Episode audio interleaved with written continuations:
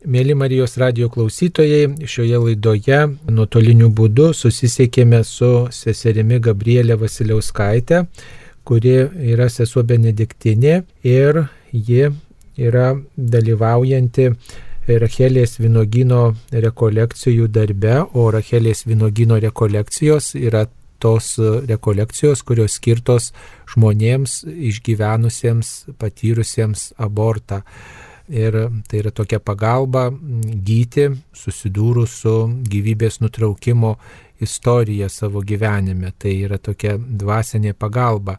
Tai štai norime kalbinti seserį Gabrielę, kuri susidūrė su žmonėmis išgyvenusiais abortą ir aborto pasiekmes skaudžiai patyrusias, taigi tai turbūt yra labai toks gyvas, jautrus supratimas apie tą gyvybės vertę, juk minint pasaulinę gyvybės dieną ir svarstoma apie tai, kad štai gyvybė neretai yra nutraukiama abortais, eutanazija ir panašiais kitais būdais. Taigi, sesė, kokį įspūdį jūs išsinešat iš tų rekolekcijų apie gyvybę, gal jūs motivuoja labiau branginti apskritai gyvybę ir apie tai kalbėti?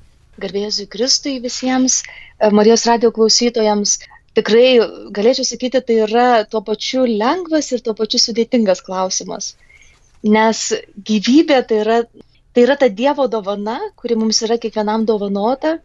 Ir jau pradžios knygoje mes skaitome, kaip iš tikrųjų sukurdamas mus, Dievas, ta prasme, įkvėpia mums tą alsavimą ir tikrai tas sukūrimas, ne pagal savo paveikslą ir panašumą. Ir iš tikrųjų, tuo metu tu supranti, kad kiekvienas tada tampa dovana vienas kitam. Ir tas prisilietimas prie kito, tai va iš tos gyvybės perspektyvos yra, kad aš prisiliečiu prie kito, kuris yra dovana, tiek man, ne, tiek, tiek ir kitam, žodžiu, ta grandinė, ne, ir mes tada tampame dovanomis.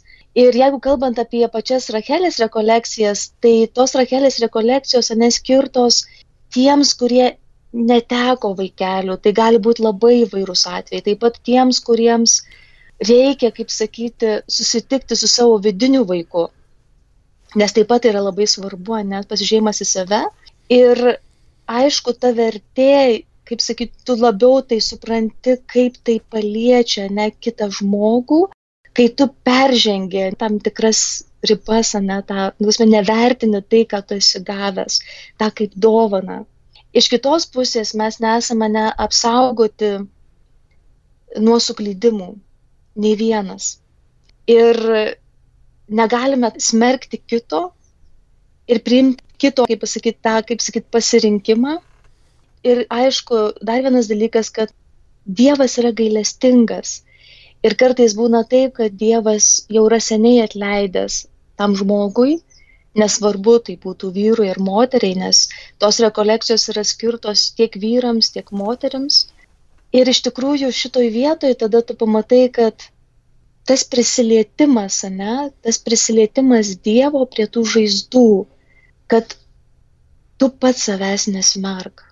Nes mes esam tie, ne kurie mes patys save iš tikrųjų kartais pasmerkėme daugiau negu kiti smerkia arba Dievas smerkia, bet mes patys esame tie, kurie užsisukame tame graužaties rate ir iš jo neišeiname. Tai Rachelės rekolekcijos tai yra galimybė, aš galėčiau sakyti, atverti tą žaizdą, kad Dievas savo gydančią galę prisiliestų prie to žaizdos ir gydytų ją. Tai va, tai yra tokia pagalba tiesiog tame kelyje, toje kelionėje yra malonė keliauti kartu, keliauti tose žaizdose, ne, tose sužeidimuose ir aišku tada prisiliesti. Ir man atrodo didžiausia malonė šitoje vietoje yra suvokti, kad niekas tavęs nepasmerkė. Iš tikrųjų, ir kiekvienas, man atrodo, po rekolekcijų, rekolekcijų dalyvis išeina su ta viltimi, kad ir aišku, su to prisilietimu, su to džiaugsmu, kad tikrai manęs niekas nepasmerkė. Ir aš savęs nesmerkiu, jau nebesmerkiu. Aš esu laisvas esu laisvas ir tada esu laisvas dalintis tuo gyvybės džiaugsmu su kitu. Vėl aš tampu gyvybės kultūros nešėjų kitiems tada. Nes mano ta žaizda jau yra paimta, jau yra gydoma. jau yra na tas procesas, kuris vyksta.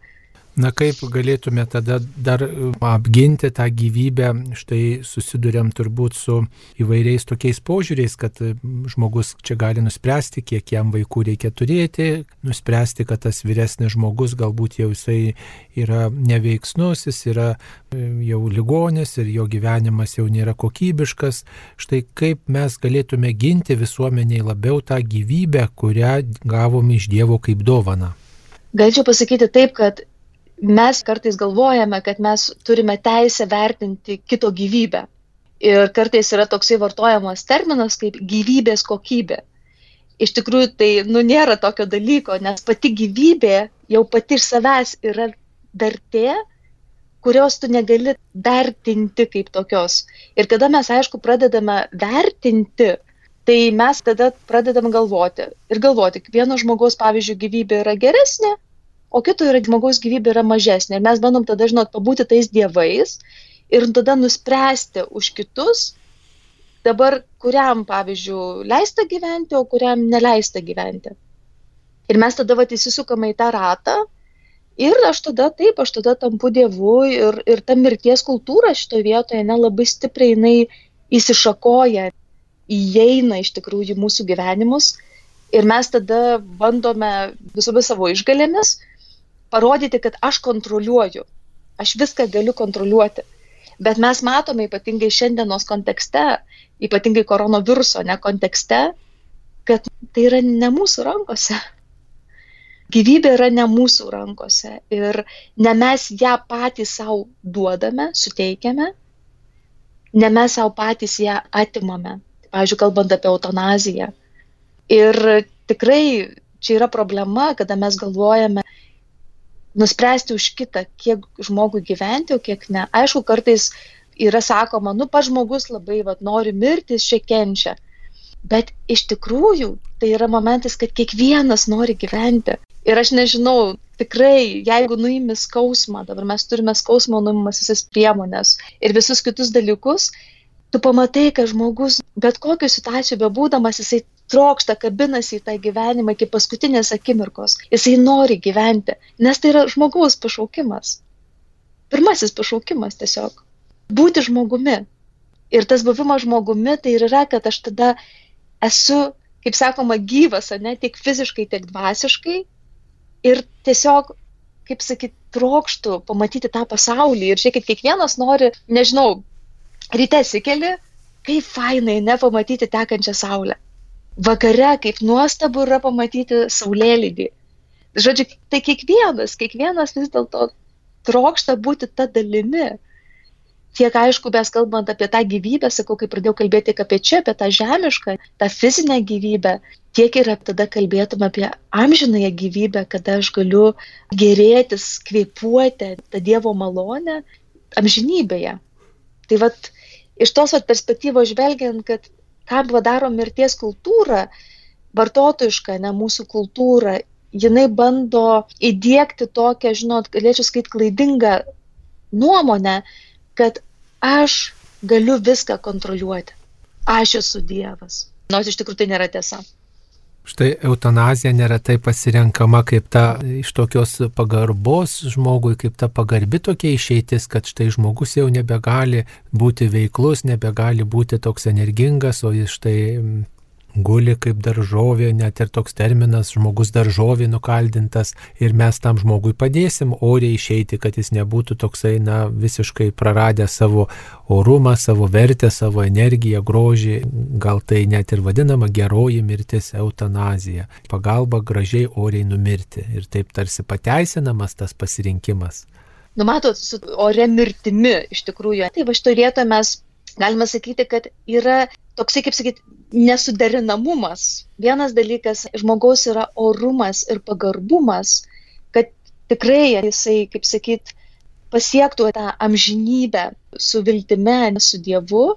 Ir kitas dalykas, kad mes galvojame, kad mes galime ją padaryti kažkokiais būdais, kažkokiamis priemonėmis, kad jinai būtų ori, įsivaizduodami, kaip tai galėtų atrodyti.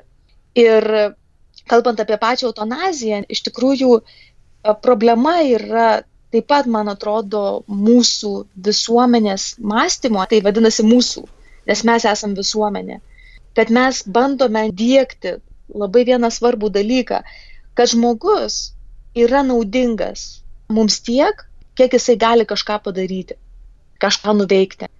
Pavyzdžiui, kažką nudirbti, kažkokius darbus, pavyzdžiui, nesėdėti, kažką, žodžiu, jis kažką turi, ne būti kažkokiam veikloje, kažką turi padaryti, nebūti kaip tas e, mechanizmo sraigtelis, kuris visą laiką sukasi. Bet iš tikrųjų mūsų orumas ir vertė nepriklauso nuo mūsų veiklumo. Mes esame pakviesti būti. Ir tas buvimas, ne, jis labai yra svarbus. Ir pavyzdžiui, sako, dabar žiūrėkit, guli kaip daržovė, ne, nieko neveikia mes nežinom, ką tas žmogus iš tikrųjų veikia. Gal jisai ten, žinot, yra tuo metu pas didžiausias pasaulyje misionierius, kuris savo maldoje apkeliauja, ta prasme, visą pasaulį ir iš tikrųjų yra užnugaris tiems, kurie eina pirmose gretose, kažką daro, pavyzdžiui, tiek socialinėje, nekaritatyvinėje veikloje, tiek ir pačiose tarnystėse visose, tiek dvasinėse, tiek kitose. Tai va, tai iš tikrųjų yra momentas, kad mes visą laiką bandome spręsti pagal tai, ką mes matome ir vertinti pagal tai, ką mes matome. Bet iš tikrųjų mes daug nežinome ir niekada nesužinosime. Tai vat, šitos perspektyvos žvelgiant, mums reikia vat, pakeisti mąstymą, kad jau vien tik tai pats žmogaus buvimas yra vertingas, pats buvimas. Aišku, mes žinom tą nuomonę, ne? Yra žmogus, yra problema. Nėra žmogaus, nėra problemos. Bet, žinot, jeigu mes vadovavomės tokią nuostatą, tai, suprantat, turim tada kitokių bėdų. Ir tas bėdas mes galime tikrai matyti ir, ta prasme, nereikia daug kalbėti. Visi viską suprantama atrodo ir mato šitoje vietoje. Kaip mes įsisukome į tuos pavojus, iš kurių mums patiems labai tada sudėtinga yra ištrūkti ir išeiti. Ir mums tada, aišku, reikia pagalbos, ne, ypatingai dvasinės ir, Ir tada bandom kabintis, ne, kalbėti su dvasios tėvais, motinomis, ganytojais ir taip toliau.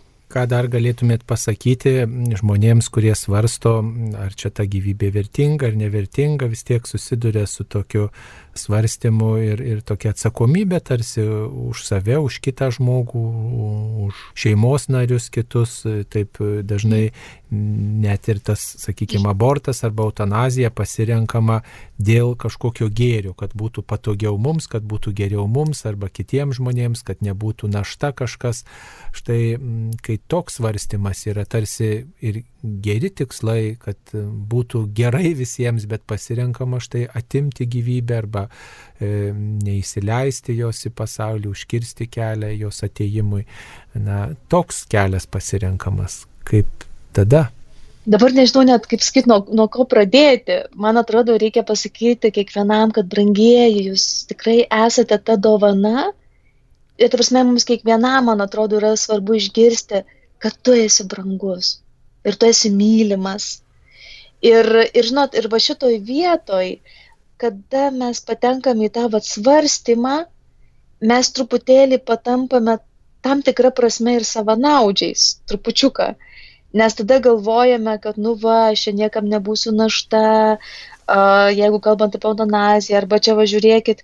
Ir kartais, aišku, mus nulėmė tos socialinės priežastys, ne, kurios mus spaudžia. Pavyzdžiui, kalbant apie patį abortą, abortas yra pasirenkamas ne dėl to, kad, pavyzdžiui, dažniausiai, kad nėra palaikymo, nėra palaikymo iš šeimos, nėra palaikymo iš artimo žmogaus, kuris tuo metu turėtų būti, tai yra dažniausiai iš vyro pusės.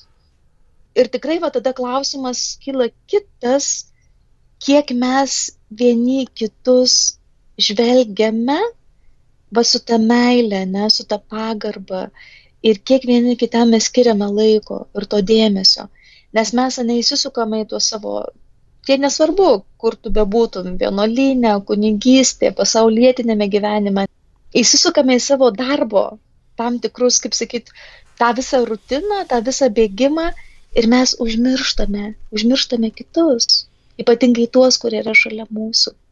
Ir tikrai, man atrodo, jeigu mes labiau skirtume dėmesio vieni kitiems iš tikrųjų ir išgirstume, išgirstume, ką kitas kalba. Ir mums reikia klausytis, reikia klausytis, nes kartais mes tikrai negirdime ne, pagalbos šauksmo, šalia esančio pagalbos šauksmo, kuris jau tiesiog klykia, kad man reikia pagalbos. Ir mes negirdime. Mes iš tikrųjų negirdime. Tai tikrai, minint tą gyvybės dieną, tikrai svarbu yra stengtis ir pergalvoti, ar aš girdžiu kitą, ar aš esu iš tikrųjų šalia kito, ar tik taip įsivaizduoju, kad aš esu su kitu. Nes viskas prasideda ne nuo tokių atrodo mažų dalykų, bet gali pasibaigti, kad žmogus pasilieka vienas su savo nuomonė, ne, su savo, su savo problema ir jis tada ją taip sprendžia, tada kiti sako, o tu pažiūrėk, kaip tu padarėjai. Arba jis jau nebegirdė ne kitų kritikos, ką jisai padarė. Bet iš tikrųjų yra momentas, kad jam tuo metu taip atrodė, Atrodė, kad kitos išeities nėra, nes nebuvo to, jis pasakytų ir parodytų tą kitą kelią. Ir dar kartą jam parodytų, koks jis yra vertingas kaip žmogus. Nesvarbu, kokioje situacijoje besidurtų.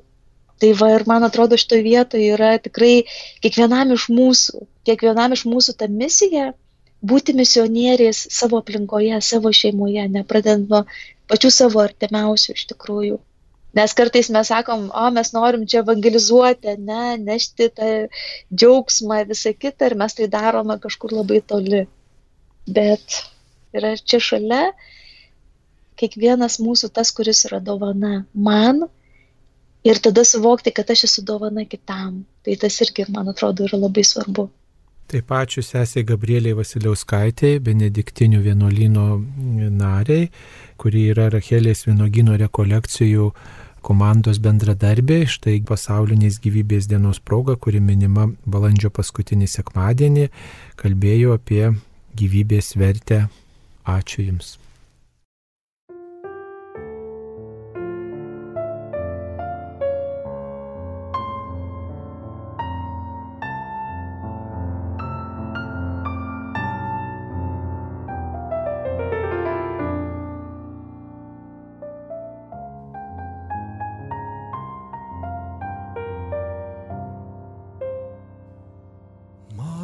Meilė paaiškino viską, toji meilė tai visa mani. O kaip aš myliu šią meilę, kokia tik būtų ji, kai auga mano iširdį.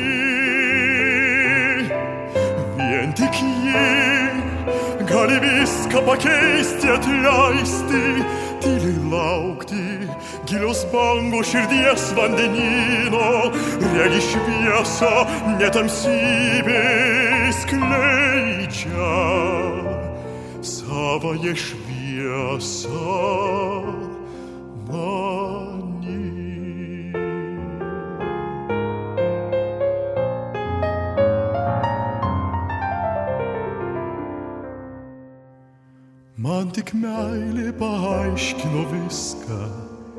Toji meilė tai visa mani.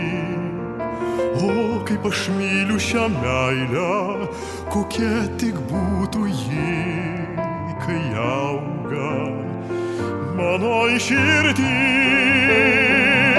Vien tik ji gali viską pakeisti, atleisti, tyliai laukti, gilios bangos širdies vandenynų, regi šviesą, netamsybės kleidžia savoje šviesą. Tyloj būties manosios, atiduodu jai praeitį savo, ją vien tik meilė žino, aš noriu aukoti jai savo širdį. Gali viską pakeisti, atleisti, tyliai laukti, gilios bangos širdies vandenino, regi šviesą, netamsybės kleidžia savoje šviesą.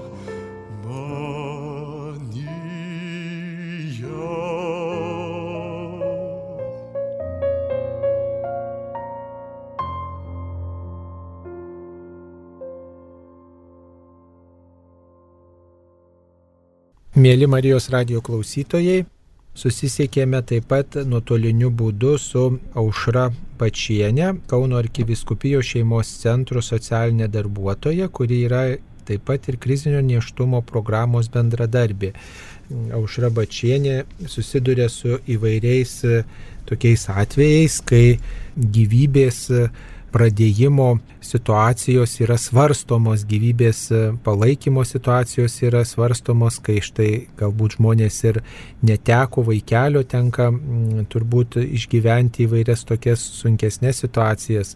Kaip tas gyvybės apsaugos na, frontas, tas veikimas dabar plėtojasi, ar daug tų atvejų, mėla aušra, kai reikia ginti gyvybę, kai reikia kalbėti argumentais e, už tą gyvybės palaikymą? Taip, iš tiesų yra nemažai atvejų ir jos labai keičiasi lyginant e, prieš 20 metų. Ir norėčiau visgi pradėti nuo to, kad nu, tikrai neštumas yra be galo jautrus moters gyvenimo periodas. Ir patį šį periodą galima jau vertinti kaip natūralią krizinę situaciją. Ir moteriai pačiai tenka priimti ir suprasti tuos besikeičiančius vaidmenis. Tokia netgi psichologų yra skiriama užduotis moteriai priimti neštumą ir pagimdyti. Tai yra vien, vieni tokie svarbiausi moters gyvenimo etapai. Tačiau labai dažnai netikėtas neštumas įneša į moters gyvenimą be galo didelės sumaišties, be galo didelį stresą. Ir šiuo etapu be galo svarbu moteriai pajausti, patirti prieimimą, rūpestį, meilę. Meilė tai nėra vien tik tai, kad aš myliu, bet tai yra tai, kuo aš galiu padėti. Tai yra tai, kokie yra moters tuo metu poreikiai. Galbūt tai yra konfliktinės situacijos su vyru, ieškoti reikia sprendimo. Galbūt tiesiog moteris nepaėgia dėl įvairių įvykių gyvenime jos priimti to neštumo. Tai yra tos tokios labai jautrios situacijos, labai gilios situacijos, nes labai dažnai pats neštumas sukelia visus neįspręstus prieš tai esančius konfliktus. Ir taip pat svarbu paminėti, kad šiuo etapu moters gyvenime vyksta šalia pačio neštumo dideli pokyčiai ir organizme, tai yra nervų ir endokrininės viso, visos sistemos pakeitimai. Todėl be galo svarbus yra artimųjų palaikymas, parama, supratimas. Tai, ką aš darau, tai visų pirma, leidžiu moteriai kalbėti įvairias istorijas apie tai, kas jai yra tuo metu svarbu, kol galiausiai mes prieiname prie pačios jautriausios vietos, prie tos vietos, kur jai kelia didelę įtampą, nerimą. Ir kartais dėl visų susiklošiusių situacijų sprendimas į situaciją labai susiaurėja. Kartais moteris mato tik, moteris arba šeima mato tik vieną sprendimą. Tai yra nutraukti neštumą. Ir visada svarbu parodyti kitą kelią, kas gali vykti jos gyvenime. Kitaip. Tai yra mano darbas toks. Ir labai visada džiaugiuosi kiekviena moterim, kurie ateina ir ieško tos paramos.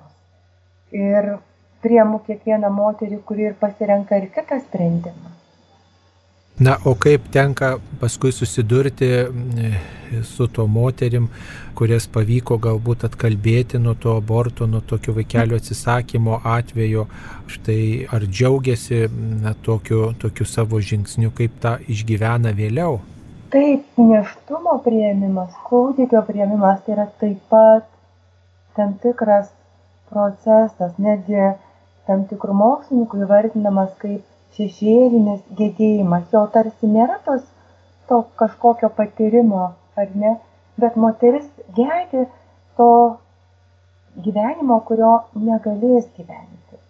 Ir jeigu jinai pasirinka neštumą, kartais visą neštumą tenka būti palaikymo kelyje, ieškojimo kelyje, pastiprinimo kelyje.